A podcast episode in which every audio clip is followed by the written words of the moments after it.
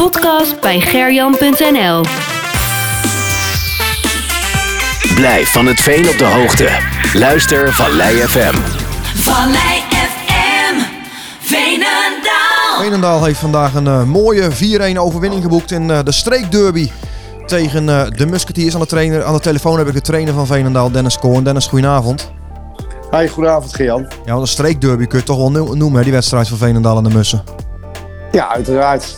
Kijk, Musketeers Els, het is maar een paar kilometer. Het is over. In het veen zeggen ze volgens mij, dat is over het huggie.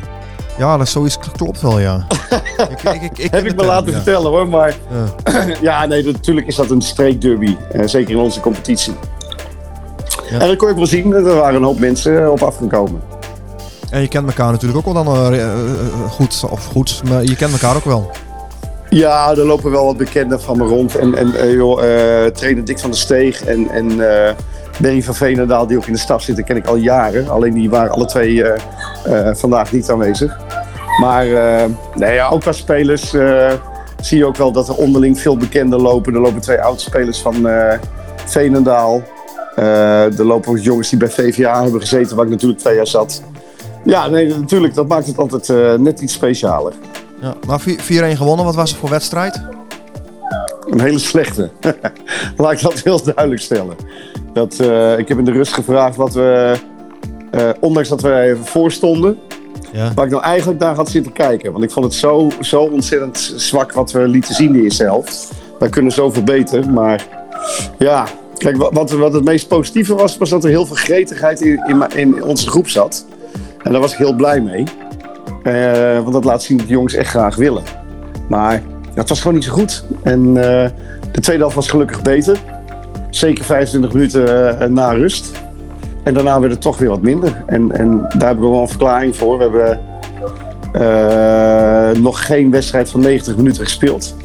En normaal probeer ik het altijd wel zo te plannen na de winststop. Dat wij dat in de benen hebben voordat we weer competitie spelen. Maar dat is gewoon niet gelukt met de sneeuw. En dinsdag moesten wij inhalen. Dus de oefenwedstrijd die we eh, gepland hadden ging niet door. Maar anders ga je toch een beetje over zo'n magische grens heen. Van, van, of een drempeltje is het eigenlijk, van 90 minuten weer spelen. En dat is toch best wel, eh, best wel moeilijk voor veel jongens. En dat, dat zag, zag ik vandaag ook. Dus, dus dat gaat dan ook wel ten koste van de kwaliteit en de zuiverheid aan de bal. En we hebben normaal gesproken wel een eh, fitte en frisse groep. En nu waren er toch best wel jong- jongens die ja, hele zware benen hadden of kramp.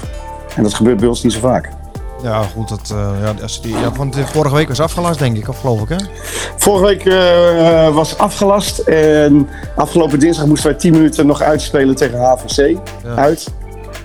In de regen en felle wind. En eh, uiteindelijk is dat 3-1 gebleven. Dus die, die missie hebben we voltooid. En ik was heel blij met het voorstel van hun trainer om dan nog twee keer 30 minuten te oefenen. Ze hadden wel 70 minuten gespeeld in totaal. Ja. Uh, maar goed, je merkt gewoon altijd na de winststop. Het is weer even wennen, weer even inkomen. En ja, goed, als je dan 4-1 in eigen huis wint. En Musketeers op een flinke achterstand zet. Ja, dan, dan, je als trainer wel heel veel vinden. Maar dan moet je er ook heel tevreden over zijn. En, op zich, En dat ben ik ook. Ja, nee, ik hoor het, ja. En eh, bovenaan in de tweede periode zie ik. Ja, ja wel weet, heeft natuurlijk verloren bij Zeist. En eh, dat betekent dat wij nu eh, bovenaan staan. Ja, dan hebben we het in eigen hand. Al hebben we nog wel vier wedstrijden te gaan, waaronder ook tegen Bunnik. En Oudijk zit er ook kort, eh, kort achter.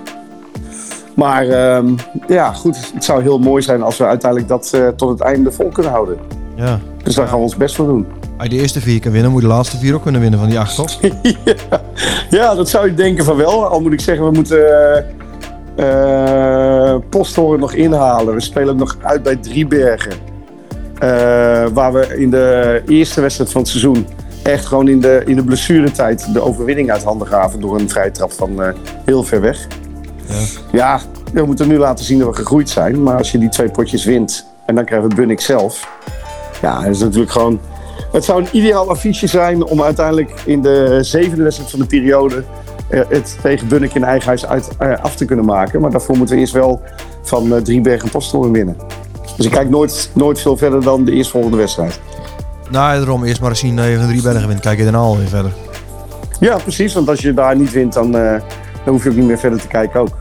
Maar aan de andere Maar dit is wel lekker. Ja, ik kon zeggen, want het doel was toch als het even kon wel weer promoveren, dus. Ja, ja en dat, eh, dat gaat natuurlijk nooit vanzelf. En uh, is echt wel uh, de beste ploeg in onze competitie. Ik wil niet zeggen dat ze niet te kloppen zijn, maar uiteindelijk, uh, ja goed, ze gaan een kop en staan op ons gewoon een stuk voor. En dan moet je ook realistisch zijn. Dan is op dit moment gewoon een periode het hoogst haalbare. En dan willen we de kortste weg daar naartoe vinden. Ehm, en dan zou het heel mooi zijn als je zo lang mogelijk mee kan doen om die tweede.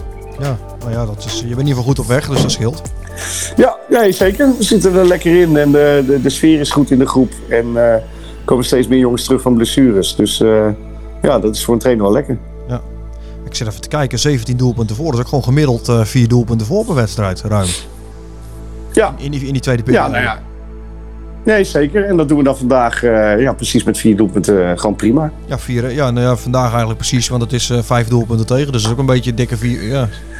Dus die 4-1 klopt wel. Ja, die, die, past precies maar, in de toch, periode. Maar toch ben ik als, als trainer gewoon gewend om ook een beetje het te analyseren en ook wat kritisch te kijken. Ja. Ja, als ik dan toch zie, dan hadden we vandaag misschien wel 7 of 8 moeten maken. Ja, en dat, dat, nou ja, dan zijn we soms te wild en soms te gehaast. En ja, soms gewoon niet zuiver genoeg. Dus uh, de eerste helft hadden we al uh, drie keer kunnen scoren voordat we achterkwamen. Ja, en dat, dat lukt alle drie niet. Ja, dus die vier is mooi, maar uiteindelijk als je echt kijkt, ja, dan, dan hadden, we, hadden we er ook echt wel meer uit kunnen halen. Maar uh, nou ja, soms moet je tevreden zijn met wat je krijgt. En dan is het een mooie ambitie om, om, om dat stukje te verbeteren. Daarom, en aan het eind van het seizoen bij die 4-1 toch weer vergeten, dus... Zeker, ja hoor. Als we volgende week maar weer winnen, dan, uh, dan kijken we weer vooruit. En dan zijn we al die, uh, die overwinningen, of dat nou 3-1, 4-1 of 1-0 is. Ja, dan maakt dat niet zoveel uit. Hè. Dan moet je ook soms gewoon niet, uh, niet te moeilijk over doen. Dit is een audioproductie van podcast bij gerjan.nl. Vallei